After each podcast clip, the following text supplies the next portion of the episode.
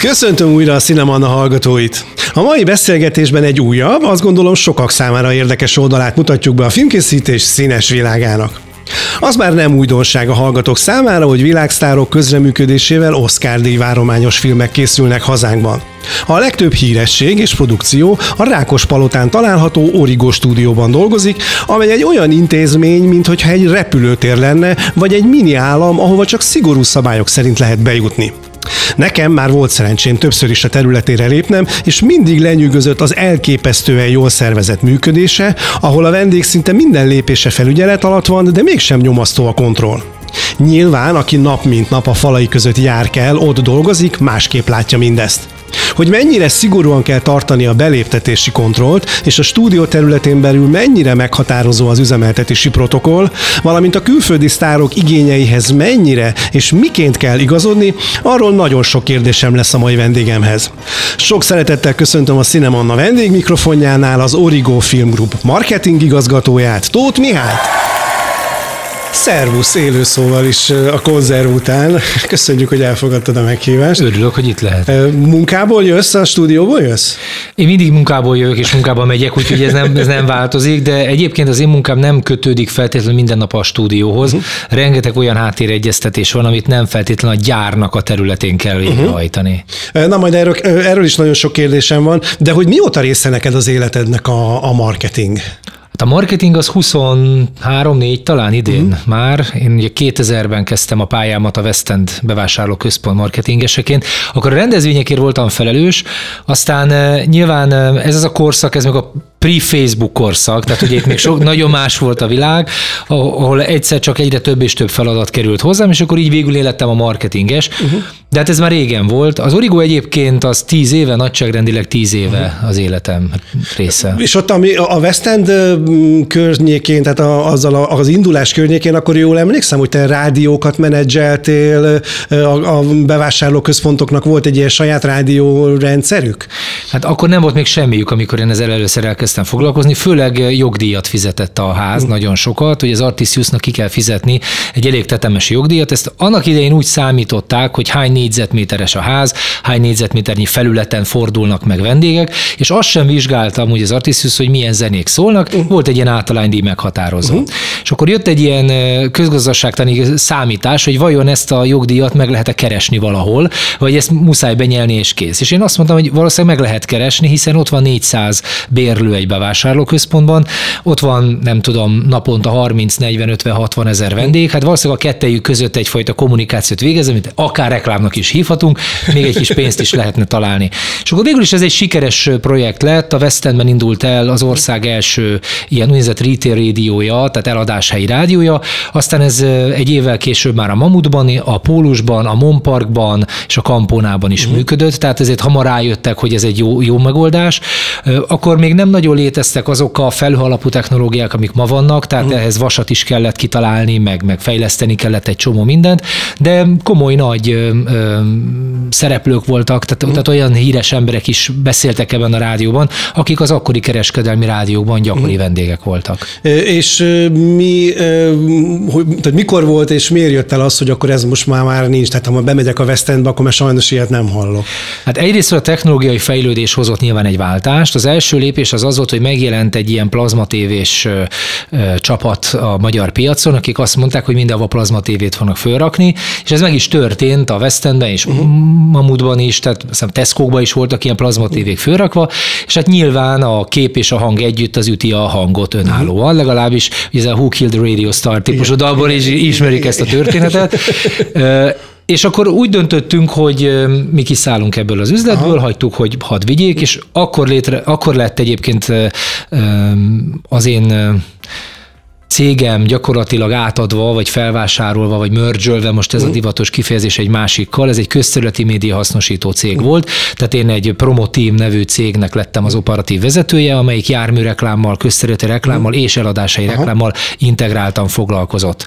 És aztán, amikor ennek a cégnek is lett egy, egy merge, egy felvásárlója, akkor azt mondtam, hogy én kiszállok a reklámból, mert egy picit el is fáradtam ennyi idő alatt, és akkor készít, létrehoztam egy Kerkom nevű céget, amelyik ez a kereskedelmi kommunikáció kommunikáció rövidítése, amelyik kereskedelmi kommunikációval foglalkozott, tehát különböző vállalatoknak abban segített, hogy hogy, hogy, tudnak sikeresen kommunikálni. Uh-huh. Ez 2007-ben volt, na most aki így tud nagyjából az időben visszafele haladni, ez tudja, hogy ez körülbelül a gazdasági világválságnak a korszaka, az az eleje.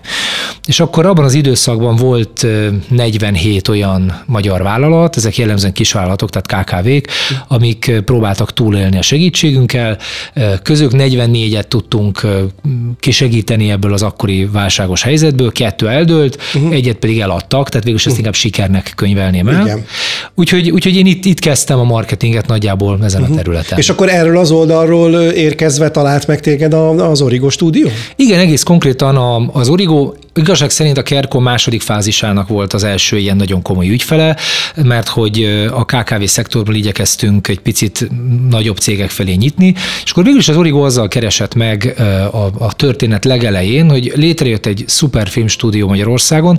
Ez még az a korszak, amikor a ribét rendszere nem igazán így működött, mint ma, uh-huh. tehát mondjuk úgy, hogy nem volt versenyképes igazán az ajánlata az országnak, és akkor ott nézegették, hogy hogyan lehetne a filmstúdiót úgy bevinni a nemzetközi piacra, hogy, hogy elkezdjenek jönni a filmek. Ilyen egy-egy film jött, de hát azért az nem tart el egy, egy ilyen filmstúdiót, és azt azért meg kell említeni, hogy az Origo egy nagyon komoly beruházás volt. Tehát nyilván a kordáról nagyon sokan hallottak, hiszen az, abban az időben nagyon sokat szerepelt a tévében, rádió mindenhogy micsoda szuper Etyek Woody indult, Igen.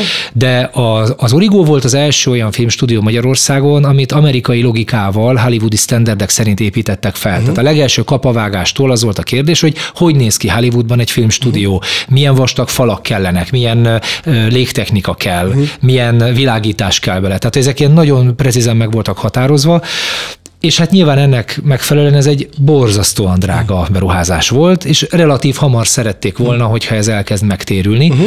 Na most ennek nem segített az, hogy az akkori ribét rendszer nem volt igazából kitalálva, úgyhogy nekem innen indult a feladatom, hogy valamit csináljunk ezzel a komoly beruházással, ami egyszer csak sikeres kell, hogy legyen. Most azért vagyok zavarva, mert az előbb felsorolt néhány félmondatotba is mindegyikbe bele kéne, és bele is tudnék kapaszkodni, hogy most az eredeti megtervezett menetrend szerint menjünk, vagy hogy arról beszéljünk, hogy a fal struktúra az miért fontos, hogy például a Die Hard utcai jelenetét le lehetett úgy nálatok tudtátok forgatni, hogy a stúdiók falára kívülről föl volt fölaggatva a díszlet, és hogy hány stúdiófala van ott használatba véve?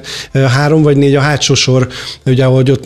Hát úgy, úgy, úgy, vannak, úgy vannak megtervezve eleve a, a, a műtermek egymás mellé, hogy a közöttük lévő terület az alkalmas forgatásra. Igen, mert úgy van megépítve, hogy kívülről is föl lehet aggasztani Igen, hát aki a Die Hard látta, az, a, az látta a műtermet kívülről, mert hogy a, a, ezt a nukleáris, mi ez, mi volt egy ilyen atomreaktor, vagy mihez ott a helikopter Igen. berepült, az konkrétan a mi műtermünknek a fala lényegében.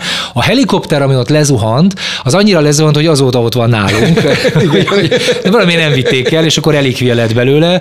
De igen, ez egy, ez egy nagyon fontos dolog, hogy, hogy azért a, az, az elfelejtjük, hogy azok a standardek, amiket mi tartunk, azok a standardek nagyjából 50-60-70 éves standardek, csak hogy az 50-60-70 évvel ezelőtti épületek, azok az akkori technológiának megfelelőek felépítve. A 10 évvel ezelőtt felépített épített épület pedig nyilván korszerűbb, mint az 50-60 uh-huh. éves épület. A Brett Ratner mondta egyébként, ha már Die Hard, hogy uh-huh. ő neki az volt a borzasztó megdöbbentő, hogy számára olyan volt az origóban föl alá sétálni és dolgozni, mintha elében lenne 20 évvel ezelőtt, mert ugye akkor az ott egy nagyon menő technológia volt, és nálunk gyakorlatilag a, a nagyon menő technológia volt elérhető, amikor ő ide megérkezett. E, jó, nagyon sok kérdésem van, de menjünk egy picit visszába akkor még, hogy egyébként neked az origóval, azon kívül, hogy a kommunikációt intézed, azon kívül mi egyéb dolgod van? Mert én úgy tudom, hogy nem csak a kommunikációban vagy benne. Fú, mire gondolsz, nem tudom.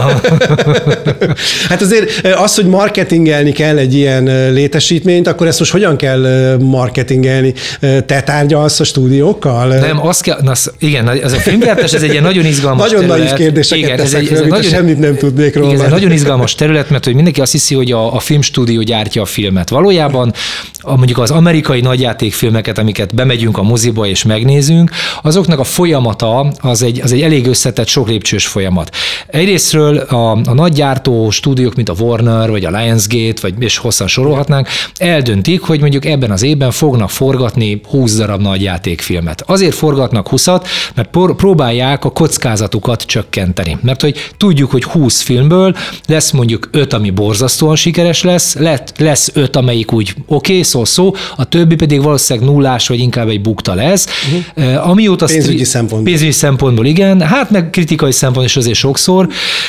És azért azt tudni, hogy mióta streaming van, azóta sokkal kisebb ez a kockázatuk, hiszen ha más nem a streamingre be tudják tolni, és akkor ott legalább egy ilyen, egy ilyen másfajta értékesítésbe be tud menni, vagy másfajta disztribúcióba, de azért ez a kockázat, ez, ez továbbra is van. És akkor azt mondja, hogy oké, okay, nem tudjuk, hogy ebből a 20-ból melyik lesz az az öt, amelyik tutira sikeres lesz, de akkor kezdjük el föltenni a térképre, hogy hol lehet leforgatni ezeket a filmeket. Hogy mindegyiknek lesz egy forgatókönyve, vélhetőleg relatív hamar lesz egy rendező, akit fölkérnek rá, ott van egy producercsapat, amelyik dolgozik azon, hogy ez a film minden elemében összeálljon, és akkor a könyv alapján valaki elkezdi nézni, hogy hol tudjuk ezt a legideálisabban leforgatni. Ha nézzünk egy ilyen nagyon klasszikus példát, a Mission Impossible-öket, vagy a, vagy a, a 007-es ügynökös filmeket, amik nagyon sok helyszínen játszódnak, rengeteg ö, különböző országot látogatnak be, akkor bizony azok drágák, hiszen sokfélé kell elmenni velük. A kicsit kevesebb helyszínt tartalmazó forgatókönyvek azok egyel olcsóbbak, hiszen adott esetben egy egyetlen helyen le lehet forgatni. Na most a Budapestnek az egyik legsikeresebb tulajdonsága az, hogy itt nagyon sokféle filmet le lehet forgatni, nagyon sokféle helyszínt tud eljátszani Budapest. Tehát írd és van olyan utca, azt hiszem a Depp című filmben ezt lehet is látni, hogyha a, ott van a, a operánál, hogyha az egyik részében nézel be az utcába a kamerának, a, a kamerával, szóval a akkor az... Jede utca talán? Nem, nem, ez, ez a másik oldalon van. Lényeg a lényeg, hogy az akkor ott Moszkvát játsza el mindig, amikor 90 fokot elforgatják a kamerát, az szinte mindig Berlin. Uh-huh. Na most nem mindegy, hogy Moszkva és Berlin között át kellett dobnod több ezer kilométeren a, a stábot, vagy nem, vagy, vagy csak, csak, csak átsétáltak. Igen. igen. Tehát, hogy emiatt Budapest iszonyú sikeres. És akkor nyilván ez egy, egy, egy hozzávaló. A másik az az, hogy a, a strukt, infrastruktúra, ami fölépült az évek során, például az Origo Film Studio, az alkalmas arra, hogy itt azokat a jelentek, amiket nem lehet kint a külső helyszínen leforgatni, műterembre lehessen forgatni, és akkor a harmadik elem az az, hogy a ribét rendszer az most már azért versenyképes, mm. hát most tíz éve lassan azért versenyképes. Ebben mindig van egy ilyen verseny a, a, az országok között, hogy ki mennyit hajlandó visszaadni a, be, a befizetett adóból, mert uh-huh. nyilván ez egy döntés a producerek részéről.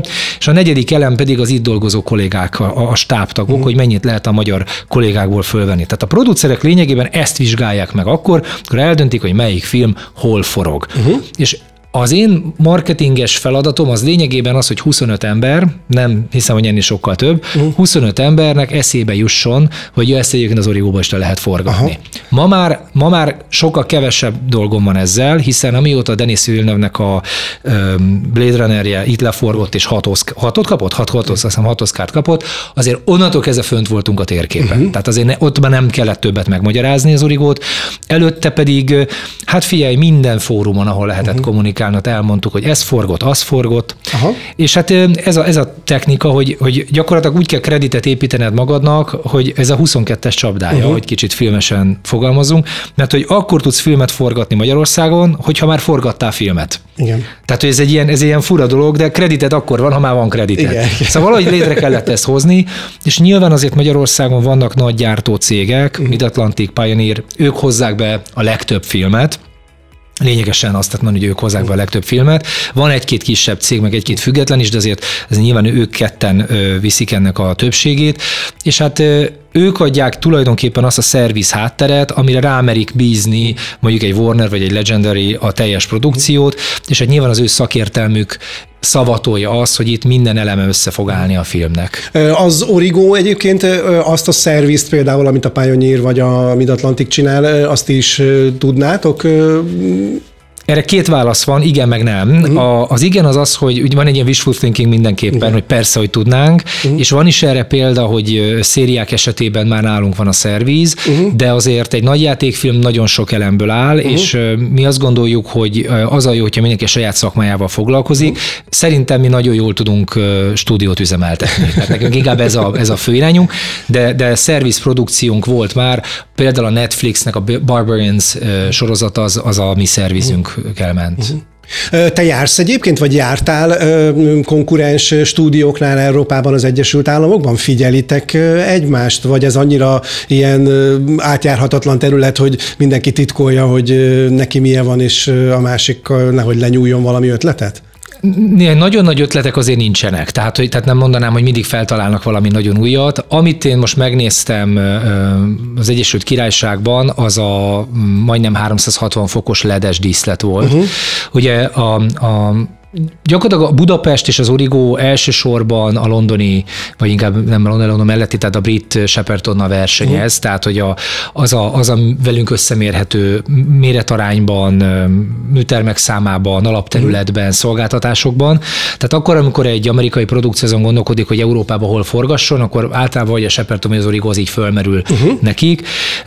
Azért ennek széljegyzetnek oda kell tenni, hogy a, a Disney azért a shepperton elég erősen befoglalta a Star Wars-szal, tehát Aha. hogy azért ott van egy, ilyen, van egy ilyen szűk keresztmetszet már, de nekünk nagyon tetszett, és gondolkodtunk is benne, hogy beruházzunk-e egy ilyen letfalas technológiába, Ugye ez, ez kb. úgy kell elképzelni, a Mandalorian forgott így, ami ilyen, el, az első, így az első ilyen komolyabb, hogy De hát nagyon sok videóklip a Lady Gaga-tól kezdve. Igen, hogy gyakorlatilag nincs, nincs blue vagy green, hanem, hmm. hanem egy vetített háttér előtt dolgoznak, és van praktikus díszlet, kb. annyi, amennyi a közvetlen környezetében van a szereplőknek, de szinte mindent lemodelleznek előre, amit a LED falakra raknak föl. És a, a videójátékokból ismert technológiával mozgatják ezt, és ebbe az, az az elképesztő, hogy a kamera és a háttér mozog együtt. Tehát amikor a kamera mondjuk ráközelít fizikailag a valóságban a szereplőre, akkor ahhoz hozzá kell torzítani a hátteret, hogy a, hogy a mi szemünk azt lássa, amit egyébként látnia kell egy ilyen helyzetben. Igen. Illetve ami még fontos, hogy nagyon sok utómunkától lehet megmenekülni, mert mondjuk van egy csillogó felület, például a Mandalorianak a, a, a jelmeze egy ilyen csillogó felület, ha ott, ha ott egy zöld vagy egy kék helységben forgatod le, akkor azt a zöldet meg a kéket utómunkába ki kell szedni, és oda a helyére a megfelelő színeket kell berakni. Itt meg nem kell, mert hogy minden a környezetében az a színe, mindig egyébként lennie kell, ha az ott tükröződik.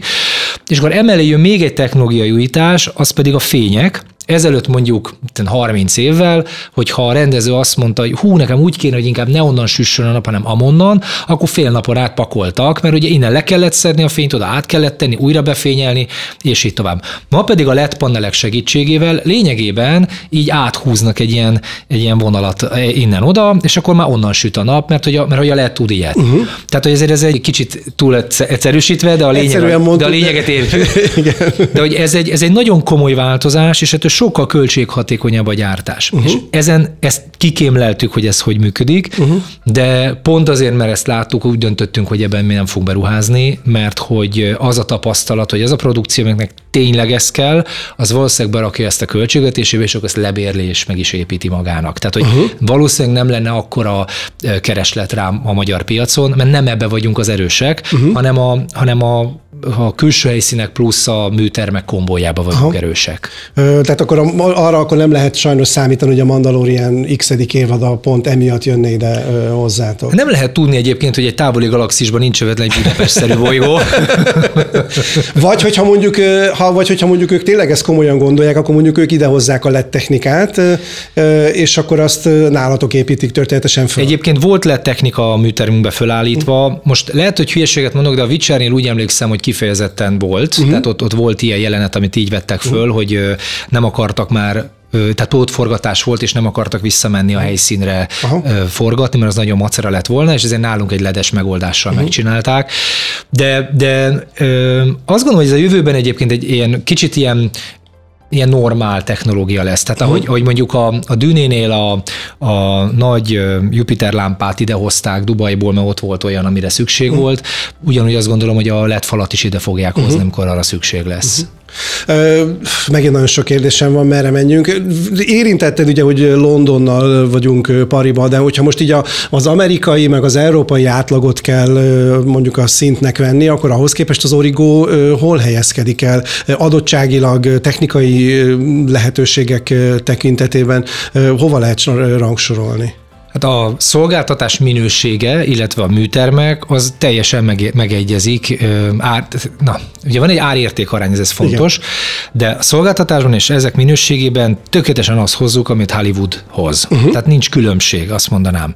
Az árban van különbség, hiszen Magyarország azért még, mégsem az Egyesült Államok, uh-huh. de már ebben egyébként kezdünk felzárkózni. Ennek sok gazdasági tényezője van, meg nyilván a forint-euró árfolyam, vagy a forint-dollár árfolyam is sok minden befolyásol. Tehát az ár az már nem, nem igaz az, hogy, hogy még az ötödébe kerülne Magyarországon leforgatni valamit. Ugyanakkor a producerek nem is, nem is annyira ezt nézik, hanem van egy tök egyszerű logika, amit én mindig szeretek így leegyszerűsítve elmagyarázni. Amikor legközelebb valaki elmegy megnézni egy nagy amerikai mozifilmet, akkor képzeljen a jobb alsó sarokba egy számlálót, mint a taxiórát, kb. Uh-huh. olyat, és mondjuk ha visszafele számolunk, hogy ez 100 millió dolláros nagyjátékfilmeket nézzünk nagyságrendileg, amik mondjuk legyenek 120 percesek. Uh-huh. Na magyarán forintra átszámítva a jobb alsó sarokban van egy számláló, ami másodpercenként 5 millió forintot ugrik. Uh-huh. Tehát a producer az így nézi a produkciót, hogy minden egyes másodpercen 5 millió forintot, 5 millió forintot elköltöttem erre a filmre. Uh-huh. És egyébként akkor is elkölti ezt az 5 milliót, ha nálunk forgatja, meg akkor is, ha az Egyesült Államokba vagy Londonba. Tehát ez, mindenképpen ez, ez elköltésre kerül. A kérdés, hogy milyen értéket kap érte. Uh-huh. És itt van egy egy, van egy ilyen műszó, ez a BTL, below the line költségek, uh-huh. tehát vannak, vannak olyan költségek, amik, amik látszanak a, a, a vásznon, és annak költségek nem látszanak a vásznon. Például a casting, vagy a, vagy a wardrobe, vagy a sminkesek munkája, vagy a sok transport, hogy menni kellett, jönni kellett. Tehát egy a csomó, sztárnak a szállása. Az, így van, tehát egy csomó olyan költségelem van, amit egyébként a vásznon nem látsz, mert nem egy bögre, vagy egy nem díszletelem, vagy egy, egy, egy speciális effekt, vagy egy nem tudom mi, és ezekben elképesztően jó árakat tudunk csinálni. Uh-huh. Nyilván van egy olyan logika is mögötte, például az Origo ezt alkalmazza, hogy minél több szolgáltatást vásárol meg tőlünk egy produkció, annál kedvezőbb számára a fajlagos ár, hiszen uh-huh. egyre több és több te, ö, szolgáltatásból tevődik majd össze a szolgáltatás csomag, és ez, ez production value-nek hívják. Uh-huh. A mi production value hatalmas ahhoz képest, amit mondjuk a londoniak vagy a, az amerikaiak adnak, és ezért nagyon könnyű mellettünk dönteni. Viszont van egy dolog, ami nehézé teszi a döntést, ez pedig az, hogy egy, egyrészt van minden országnak egy megítélése, hogy ott jó dolgozni, vagy nem jó dolgozni. Azt gondolom, hogy azért Budapestnek a megítélése rendkívül nagyot javult az utóbbi 4-5-6-10 évben. Tehát ugye a Tom Hanks mondta, hogy ő nem gondolta volna, hogy hajnali kettőkoros, és így sétálhat egy ilyen belvárosban, és ilyen nyüzsgő élettel fog találkozni. Budapest pedig ilyen. A, ami viszont nehéz, hogy azért a szériák, most azért elég sok széria forog Magyarországon is, azt igénylik egy színésztől, hogy kilenc hónapot adott esetben egy számára idegen városban, egy számára idegen országban töltsön el. Uh-huh. És például a Moon Knight, amikor forgott nálunk, az Oscar Isaac nagyon hosszú ideig itt volt, őnála például az egy konkrét kérdés volt, hogy ő mit fog csinálni mondjuk szombat este, amikor egyébként nem forgat semmit. Uh-huh. Tehát, tehát kilenc hónapot, az majdnem egy év tölt uh-huh. egy másik városban. És ezért sok olyan uh, ismert sztár van, amelyik nem szívesen hagyja az Egyesült Államokat kilenc hónapra. Uh-huh. És ugye az meg nem fér bele, hogy most jó, itt van Európában, és mondjuk innen Párizs nincs olyan nagyon messze, vagy akár Berlin, vagy még akár London is, tehát ugye lényegesen közelebb van mondjuk, mint Los Angelesből, de az sem megoldás, hogy akkor most hétvégén egy nap forgatási szünete van, vagy kettő, akkor átugrik oda, és akkor ott bulizik, és aztán visszajön. Hát szerintem nézd meg, hogy hogyan tudsz repülőt foglalni. Igen. Szerintem nem tudsz így repülőt foglalni, hogy két órára. Hát ha csak nem saját repülőd van. Hát jó, de figyelj, ez oké, okay, akkor mindjárt jutunk oda, hogy akkor mennyibe is fog kerülni az a produkció. Igen, igen, igen, igen, Tudod, ez igen, a, iszunk egy sört, hol, hát a Sánzelizén, hát ez a sör egy kicsit sóba fog Igen. akkor kerülni. Igen. Említetted, hogy a LED falat azt végül is nem tartjátok most jelen pillanatban prioritásnak, de hát azért elképesztő technikai backgroundja is van a, a stúdiónak. Ezt hogyan és milyen tervek mentén fejlesztitek? Adott produkcióra, vagy pedig ez egy ilyen folyamatos figyelmet és fejlesztést igényel? Ugye, hogyha a világ minden pénze milyen lenne, akkor mindent is fejlesztenénk egyszerre, hiszen uh-huh. nem lennének korlátok, maximum a falak, amik uh-huh. egy idő után behatárolják a teret.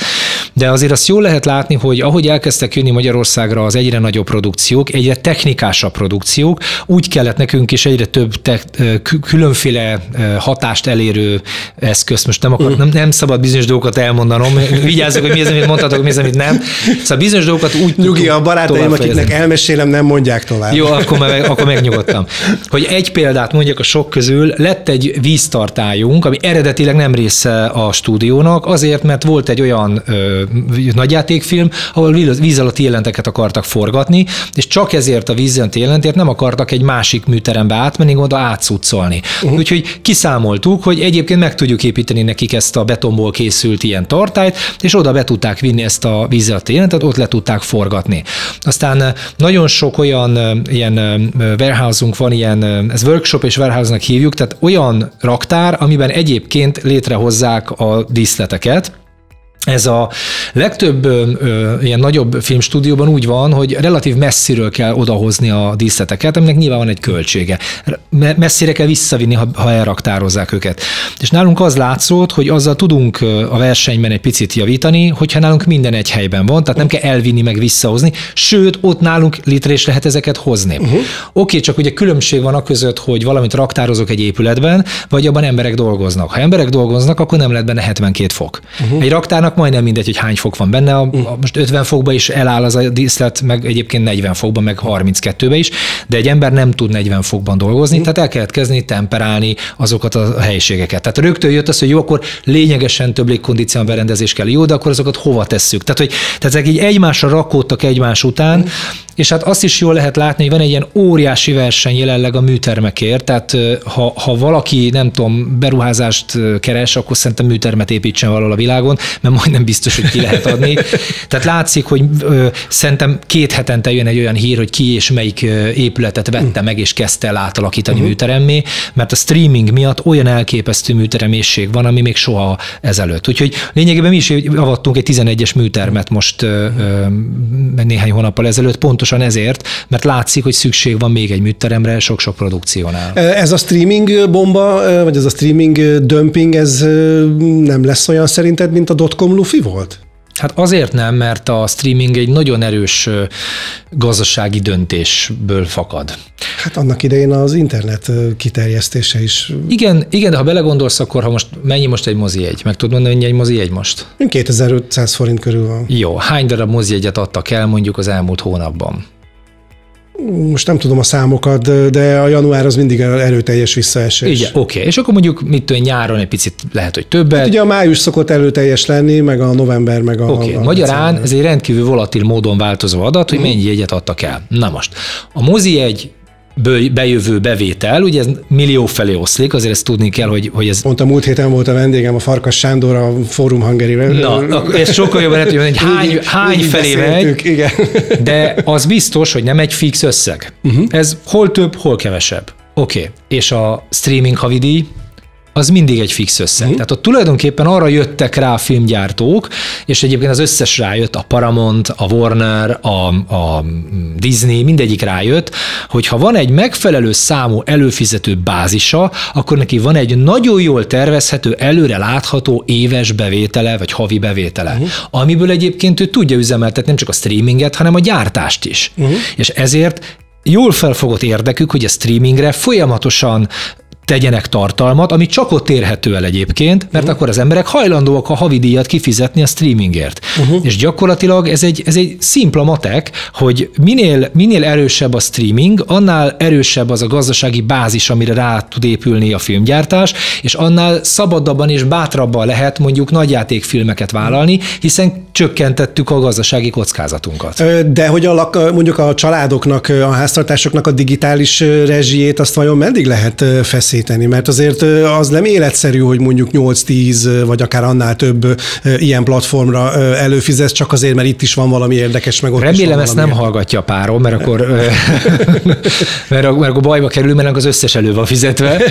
Nem, szóval igazából szerintem ez most fog majd letisztulni. Tehát ahogy, ahogy mondjuk a 90-es, 95-ben lett a, az internet hmm. rászabadítva a világra, kereskedelmi hmm. internet, és akkor az első, nem tudom, egy-két évben megjelent a Google, maga meg az Alta Vista, meg a Yahoo, akik azt mondták, hogy akkor mi majd, mi majd akkor megszervezzük az internetet, hogyan fogják fogyasztani az emberek. Nyilván ebben a versenyben a Google győzött végül, vagy hát a részeredmény inkább azt most a Google, Google, Google-nél jel, jelzi a, a győzelmet.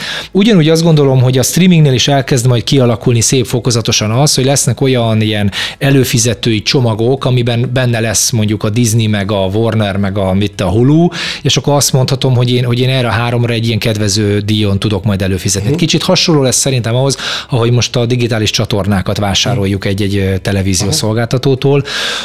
Egyébként, aki most vesz ilyen okos tévét, ott már meg-megjelennek olyan beállítási lehetőségek, hogy én erre a háromra vagyok előfizetve, és össze is kapcsolja ezeket a kezelőfelületen, uh-huh. és nekem meg kell váltogatnom ezek között. Uh-huh. Valószínűleg ilyen típusú optimalizálás fog elindulni uh-huh. szép fokozatosan.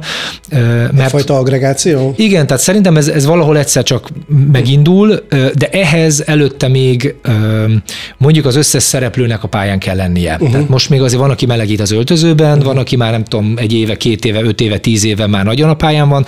Mindenki a pályán lesz, és akkor elindul majd egy ilyen, egy ilyen közös megoldás egyszer csak. A későn csatlakozó kedvéért mondom, hogy Tóth Mihályal, az Origo Film Group marketing igazgatójával beszélgetünk sok mindenről. A stúdió egyébként, az Origo stúdió az ugye, ha jól tudom, olyan szinten van kitalálva az első kapavágást, ahogy említetted, hogyha netán jönne a zombi apokalipszis, ti akkor is tudnátok működni, mert hogy az áramot, meg az internetet is, meg sok minden közműt, az gyakorlatilag teljesen mindenkitől függetlenül kapjátok. Pont pont a zavartalan működés érdekében. És amikor legutóbb nálatok jártam, akkor a Horvátné dr. Fexi Márta, a vezérigazgatótok nagyon büszkén mutatta az agregátor állomást, amivel gyakorlatilag fél Budapest áramellátását meg tudnátok oldani? Ez igazság szerint egy szükségszerű dolog, hiszen amikor egy produkció elkezd dolgozni, és mondjuk bekapcsolják az összes lámpát, akkor annak olyan hirtelen megnövekedett energiaigénye van, amit nem lehet rászabadítani a kereskedelmi energiaellátásra. Tehát, hogy ez egy szükségszerű dolog volt.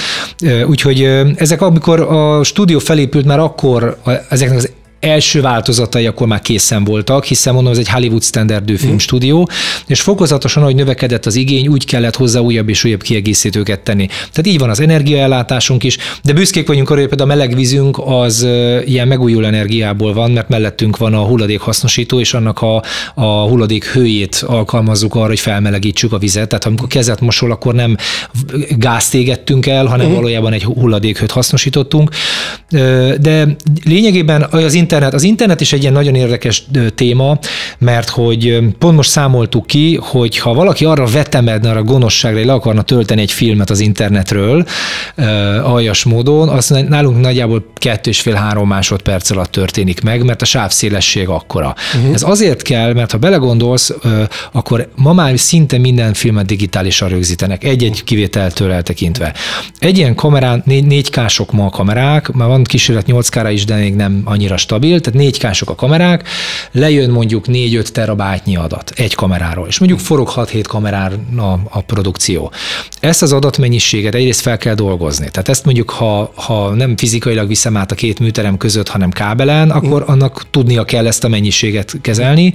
Sőt, ezt rögtön le kell redundáns másolatokra tenni, és vannak bizonyos produkciók, amik elvárják, hogy földrajzilag is máshol legyen a kópia, hogy uh-huh. nem tudom, itt tényleg jön a, a T-rex és megesz mindenkit, akkor is legyen kópia. Most ez hogy töltöd át, hogyha uh-huh. nincs megfelelő sávszélességed? Illetve vannak produkciók, amik a mi utómunkánkat nagy, nagyon nagy mértékben használják, tehát nálunk van a, a, a bizonyos munkafázisoknak a következő lépése is, míg van, aki azt mondja, hogy hazaküldöm, és majd ott elkezdik a, a vágási folyamatot, uh-huh. hát ezt akkor át kell oda tölteni. Uh-huh. Na most ez nyilván azt igényli, hogy olyan gerinchálózatokra kapcsolódjunk, ami lehetővé teszi ezt a mennyiségű adatátöltést úgy, hogy közben mindenki másnak az internet kapcsolata nem hall le tőle. Uh-huh. Tehát akkor ez egy, ez egy ilyen mentési protokoll. Egy... Hát ezek így együtt mind. És ezt például, amikor jön egy produkció, akkor mondjuk erre vonatkozólag is kér tőletek információt, hogy oké, okay, de akkor ezt hogyan és miként, és akkor ennek megvan a sablonja, meg a... Ezekre standardek vannak, uh-huh. ilyen mhm. nemzetközi standardek vannak. Van 6-7 olyan standard, aminek nem tudom fejből az összes ilyen betű kombinációját. De ez... nem is kérdezem. De, de, de, de, de hogy lényegében, amikor jön egy produkció, és arról tárgyal, hogy akkor hogyan fog itt forogni, és milyen szolgáltatásokat vesz igénybe, akkor nyilván az az egyik kérdés, hogy ezeket az utómunka feladatokat, ezeket itt csinálja, vagy mondjuk az Egyesült Államokban. Az Egyesült Államokban tudjuk átlőni oda az anyagot, azzal a sebességgel, amire nekik szükségük van. És ezt úgy kell kezdeni, hogy leforog mondjuk egy napi felvétel, mehet-e tovább a produkció, vagy nem. Uh-huh. Tehát, tehát mehe, lebonthatjuk a díszletet, mert mehetünk tovább, uh-huh. vagy még ebben a díszletben kell valamit csinálni. Uh-huh. Ez, egy, ez egy dollár száz, százezres kérdés. Uh-huh. Tehát, hogy nem, nem mindegy, hogy egyébként igen vagy nem a válasz.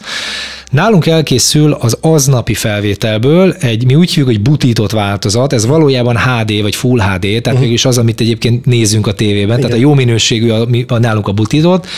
Ezt hívják dailynek, mert ez az aznapi felvett anyagok, nyersanyagok összessége. És akkor leül, a, akinek dolga ezt megnézni, nyilván a rendező, vezető operatőr, sokszor a producerek, és azt mondják, hogy most átnézzük a ma felvett anyagot, és ha ez mind oké, okay, és mehetünk tovább, akkor aláírnak egy darab papírt, hogy oké, okay, mehetünk tovább. Uh-huh. És mondom, ez az aláírás, ez százezeres kérdés dollárban. És ezt a daily-t, ezt hogyha át kell lőni, akkor azért az egy az egy mennyiség, ez egy uh-huh. adatmennyiség, amit át kell lőni. Ha ezt itt, itt el tudják dönteni, és itt megnézik, akkor az, az nagyon jó, uh-huh. akkor nyilván kicsit olcsó, meg, meg egyszerűbb a folyamat. Tehát ezeket mind mérlegelik a producerek, amikor, amikor a gyártásról tárgyalnak. Uh-huh. Ez egyébként ez csak nagyságrendek mondom, ez kettő évvel van azelőtt, hogy a filmet valaha valaki megnézte moziban. Általában igen. Tehát ez elég alaposan körüljárják. Egyébként a magyar szolgáltatók, meg mondjuk a magyar internetkábel techno, adottságok lehetővé tették ezt. Persze, ez, vagy ez Magyarországon igen kifejezetten jó helyzetben van. Szuper, örömmel hallom.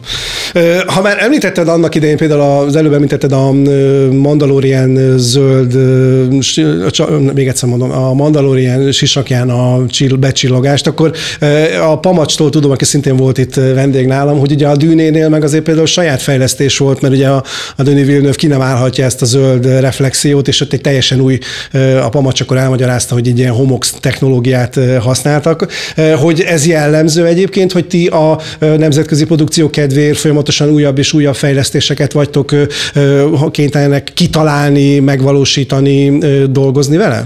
Igen, ugye alapvetően azt a produkció maga fejleszti le, mi meg megtanuljuk, hogy hogyan kell csinálni, és legközelebb már tudjuk ajánlani, uh-huh. hogy ez a, ez a megoldás létezik.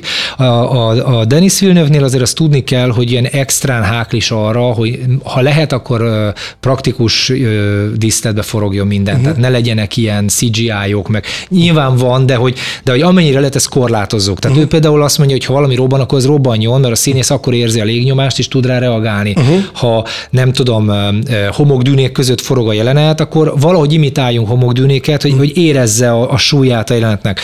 És ez emiatt valóban nagyon sok ilyen úgynevezett praktikus trükköt kellett nekünk uh. megtanulni.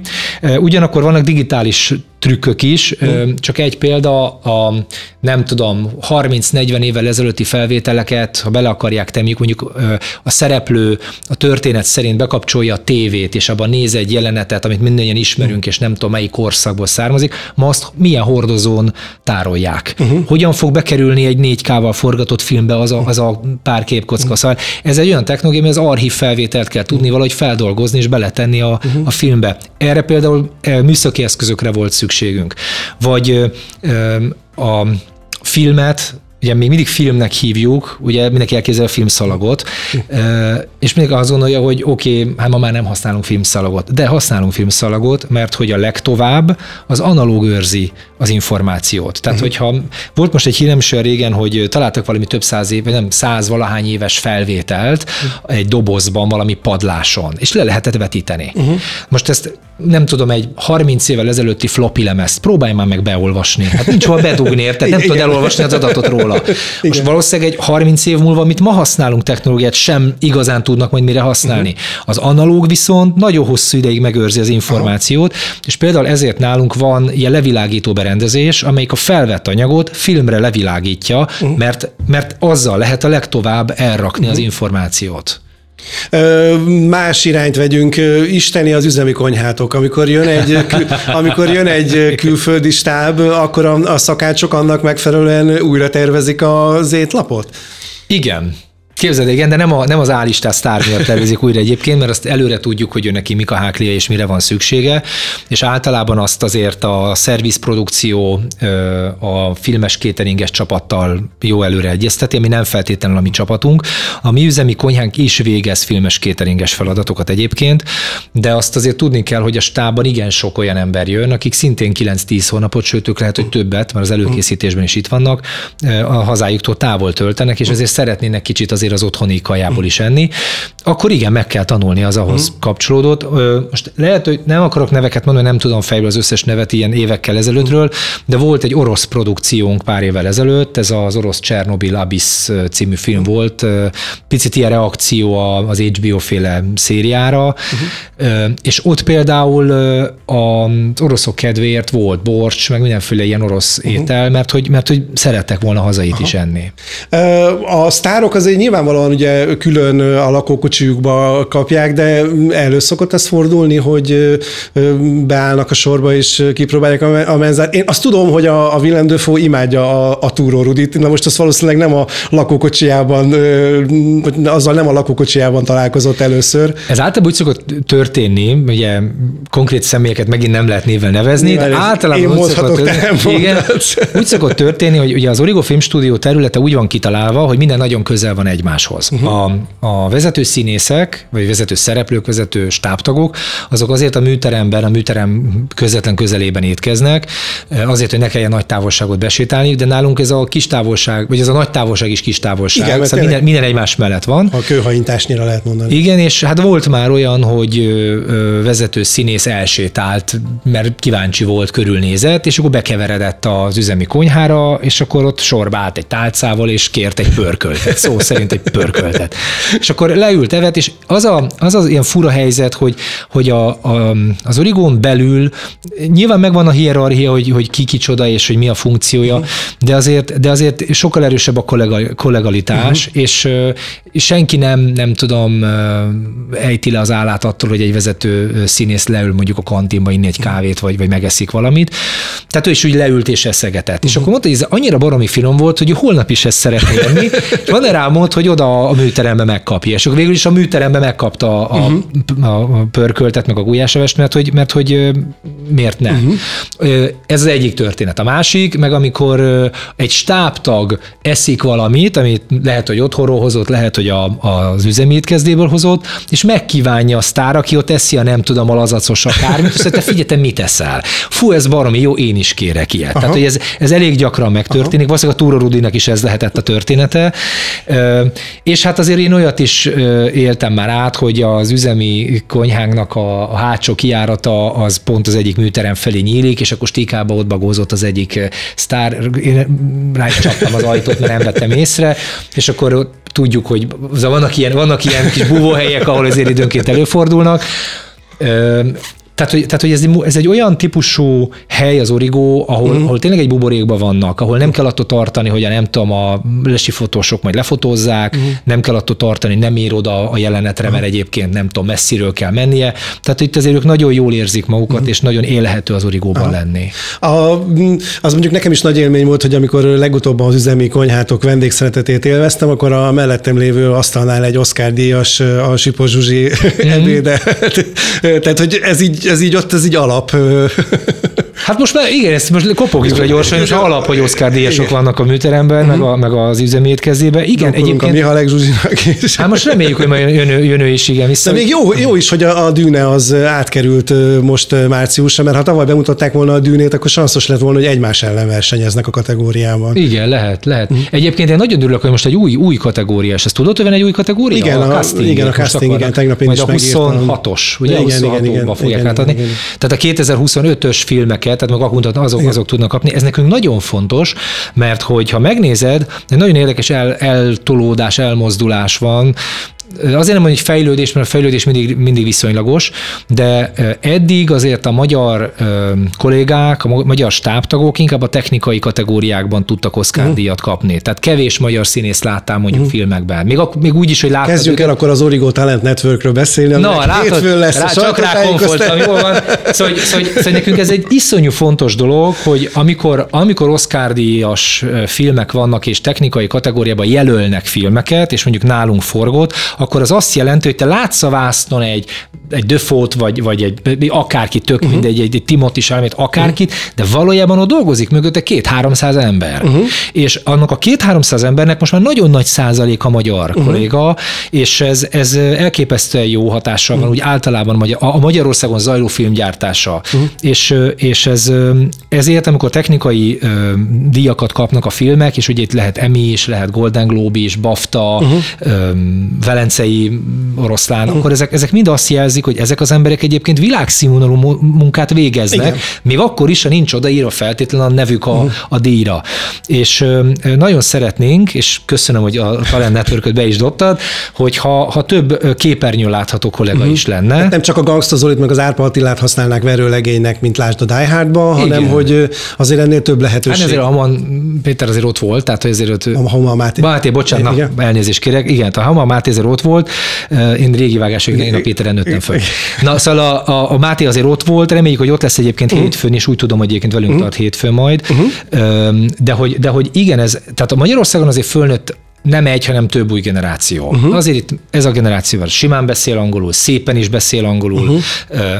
Ez a generáció már nem, nem a nagyon régi játéktechnikát tanulta, hanem, hanem már azért a, a, a mait. Uh-huh. Ugye ebbe kapnak segítséget is az Adam Davenport, aki a TIAS-nak a vezetője, ezt a csubuk technikát itt oktatja Magyarországon is, meg a környező országon is.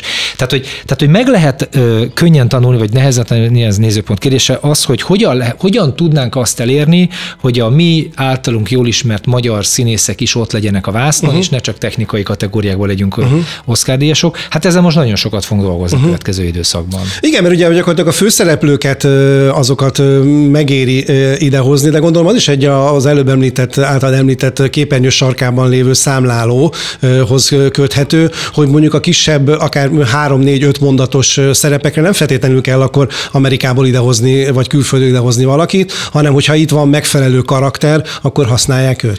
Ez egyre, egyre nagyobb a százaléka annak, hogy egyébként mennyire alkalmazzák a magyar színészeket. Ugyanakkor az is egy fontos tényező, hogy azért az megfacsarja mindenkinek egy kicsit a lelkét, amikor egy magyar színészt látunk a vásznon, és aztán egy tök másik magyar színész szinkronizálja őt. Tehát az egy, azért ez egy, az egy, ilyen, az egy ilyen fura, fura érzés, nem? Hogy hát, de, de ennek nem ez a hangja. Tehát azt szeretnénk elérni, hogy a magyar színészek teljes értékűen ugyanolyan színvonalon legyenek alkalmazva, uh-huh. mint egyébként bármelyik színész bárhonnan is uh-huh. jön, mert hogy mitől lennének egyébként kevesebbek. Uh-huh. És én nem zárnám azt ki, hogy néhány éven belül akár vezető szerepben is látunk uh-huh. magyar színészt. Ö, fú, nehéz lesz a kérdés, de hogy te látsz arra alkalmas magyar színészt, színészt, aki az ezzel járó alázatot, munkát és minden egyebet hajlandó ebbe befektetni? Lehet, hogy már elavultak a számai, mert tegnapiak, de 68 olyan színészről tudok, aki regisztrált az Origo Talent network uh-huh. hogy ők, ők angol nyelven is vállalnak, vagy más nyelven uh-huh. is vállalnak szerepet, és azt hiszem, hogy 30 el is jönnek talán a, uh-huh. a, az ezek kapcsolatos sajtótájékoztatóra. Hát ők biztos, hogy azok, akik, uh-huh. akik felvállalják ezt. Egyébként érdemes lesz majd megnézni az oldalt, meglepő, hogy milyen neveket fogsz uh-huh. találni. Szerintem mindenkiben... a sajtótájékoztatón Ki fog derülni. Nézd, én szerintem mindenkiben benne van ez a bizonyítási vágy. Tehát, uh-huh. hogy most tetszik vagy nem tetszik, azért csak a hollywoodi filmek azok, amiket uh-huh. egyfajta ilyen etalonnak tekintünk. Én szerintem mindenki szeretné azt megmutatni, hogy azért ebben mi tudunk jók lenni. Uh-huh. Tehát ha, ha, most nyilván a, mindenki tudja Gábor Zsozsát, hogy, hogy ő van, most ugye szegényről többet is tudunk, mint amit szeretnénk, főleg a szobráról, de hogy, de hogy egyébként relatív kevés magyar hírességről tudjuk azt, hogy, hogy milyen életutat járt be. Ugye azért azt lehet látni, hogy Hollywoodot azért zömében magyarok alapították. Igen. Tehát Fried Vilmos, alias William Fox, Igen a, vagy, a, vagy a Paramount alapítója, a, a Cuk, Adolf Cukor, Cukor Adolf, tehát, hogy ez, tehát ezek, a, amit ma ismerünk Hollywoodnak, annak azért igen nagy százaléka a magyarok fejéből pattant ki. Most lassan ott tartunk, hogy a magyarok elmentek mondjuk száz éve megalapítani Hollywoodot, most jön Hollywood Magyarországra filmet forgatni. Isten hozta őket. A későn csatlakozó kedvé még mindig Tóth Mihályal, az Origo Film Group marketing igazgatójával beszélgetek. Az előbb említetted, és akkor elkanyarodtunk egy kicsit erre a talent vonalra, de hogy a, a stúdión belül azért biztonságban érezhetik magukat a, a sztárok, de ez betudható annak, ugye, hogy nagyon szigorú protokoll szerint lehet hozzátok bejutni, de nem volt még véletlenül olyan, hogy például drón repkedett volna a stúdió felett, vagy pedig a, a környező kukoricásból megpróbálnak esetleg bejutni hozzátok? Hát erre van egy hivatalos, meg egy nem hivatalos válaszom. A nem hivatalos válasz, hogy nyilván a magyar ember rendkívül eleményes, és néha megpróbál mindent is, de azért azt tudni kell, hogy a, minket azért a nem tudás pajzsa véd, mert hogy nagyjából két évvel azelőtt forog a film, mint hogy ennek igazán hírverése van. Tehát a, a Dűne sem akkor került be a köztudatba, amikor az első, nem tudom, tárgyalást megejtettük, hanem, hanem jóval később. Tehát uh-huh. azért a, szerencsére nem tudják a rajongók azt, hogy nálunk kidolgozik és kiforgat. Hát ha csak nem mondjuk az Andrási úton sétálva le nem, fog, le nem fotózzák a sztárt, és akkor abból összerakja a rajongó. Igen, de, de szerencsére azért ennek relatív kicsi a, a visszhangja még Magyarországon, tehát ez a fajta kultusz, mint az Egyesült Államokban mindenhol követik őket, uh-huh. ez azért nálunk nem jellemző. Uh-huh. A, a másik, ez a drón kérdés, ez egy, ez egy nehéz kérdés. Tehát ez nyilván nem mi találjuk fel ezzel kapcsolatban a langyos vizet, de, de ahogy a repté, reptereken sem lehet drónnal repülni, mert veszélyes, uh-huh. ugyanúgy nálunk sem jó, ha a drónok berepülnek ezekre a területekre. Egyrészt mert nálunk is forgatunk drónokkal, uh-huh. ezek azért nem ezek a kis pici boltban kapható drónok, hanem hát én láttam azt, amikor az operatőr úgy tesztelte le, hogy stabilan marad a rudron a hogy fölkapaszkodott rá, uh-huh. és át lehet emelni egy embert is akár egy uh-huh. díszlet fölött vele. Szóval ezek azért ilyen, ilyen dollármilliós felszerelések, és ha ennek neki repül egy másik drón, akkor azon kívül, hogy összeütköznek, még lehet, hogy a fejére esik valakinek. Uh-huh. Tehát, hogy ezt, ezt el kell kerülni. Erre van technológia, ma már, ami nem engedi a kereskedelmi drónokat berepülni egy bizonyos területre. Uh-huh. Ez egy olyan technológia, ami egyébként ilyen biztonsági okokból a legtöbb olyan helyen fel van szerelve, ahol ipari drónok uh-huh. is dolgoznak. Uh-huh. Na, és olvassátok ki a sorok közül a többit. Máskülönben meg a, a protokoll az egy, az egy nagyon fontos tényező. Nem csak azért, mert be lehet jutni, vagy nem lehet bejutni, meg hogy egyébként a rajongókkal mi van, mert az a legkívesebb probléma. A Covid azért megtanított minket protokollokat betartani. Uh-huh. Tehát amikor a világon mindenhol megállt a filmgyártás, de úgy, de úgy hogy ö, azt képzeld el, hogy a, fölálltak a stábtagok, és még a csésze is ott maradt az asztalon, és mindenki húzott haza, mielőtt lezárják a reptereket. Uh-huh. Ez, egy, ez egy ilyen dráma volt, tehát amikor mondod, hogy a zombi apokalipszis, szóval kb. ilyen a zombi apokalipszis. Uh-huh. Tehát mi túl vagyunk egy ilyenen, egy ilyen zombi apokalipszisen, és ott az volt, ami szerencsénk, említetted a, a, az ügyezetünket, a Horradné Fexi Mártát, egyszerűen a Mártának a, a sarkossága rendkívül határozott, hideg, éles logikája, és, és ez, a, ez, ez a fajta mentalitás mentett meg lényegében minket, mert gyakorlatilag pár nap alatt ki lett dolgozva az a szűrő protokoll, aminek segítségével, ezt mi filterezésnek hívtuk, ilyen buborékokba lehetett rakni a stábokat. Tehát forgott mondjuk három produkció egyszerre, minden produkciónál megvolt, szétszedve három kategóriára minden stábtag. Volt a, legyen mondjuk színekkel jelölve, volt a piros, a sárga, meg a zöld. A piros, aki a vezető szereplőkkel és a, a vezető stábtagokkal érintkezésben volt, meg nyilván ezek maguk ezek a stábtagok. Ők voltak a pirosak. Nekik naponta volt szűrés, covid szűrés, ez a nagyon kellemetlen pálcával az orba vagy a szájba.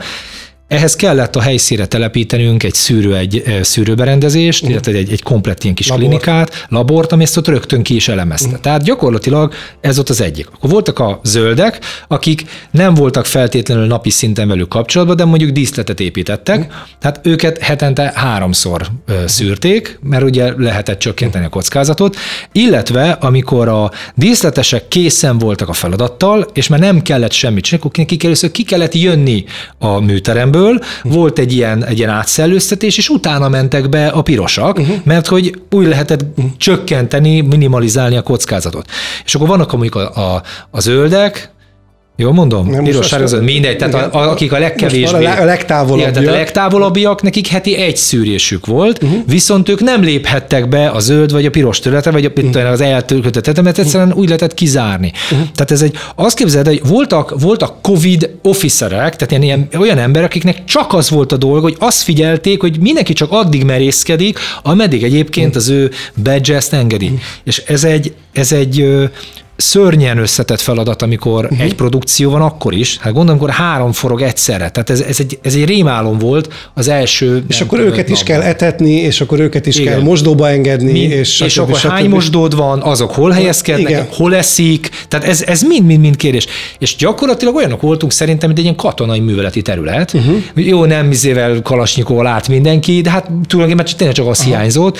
És ez a fajta rendkívül hideg, és minden mindenféle protekciót nélkülöző technika okozta azt, hogy nálunk újra lehetett kezdeni uh-huh. a forgatást, és a dűnét be lehetett fejezni. Uh-huh. Mert egyébként a kiegészítő forgatás nálunk zajlott, akkor még a kormánybiztos úr is meglátogatott minket, mikor azt a nem létező szalagot átvágtuk, hogy akkor nálunk újraindul a forgatás, mert ez egy akkora dolog, az nemzetközi szinten volt egy, egy, egy, egy óriási lépés, uh-huh. hogy amíg London és mondjuk elé annyi, addig Budapesten mehetett tovább a mhm. produkció.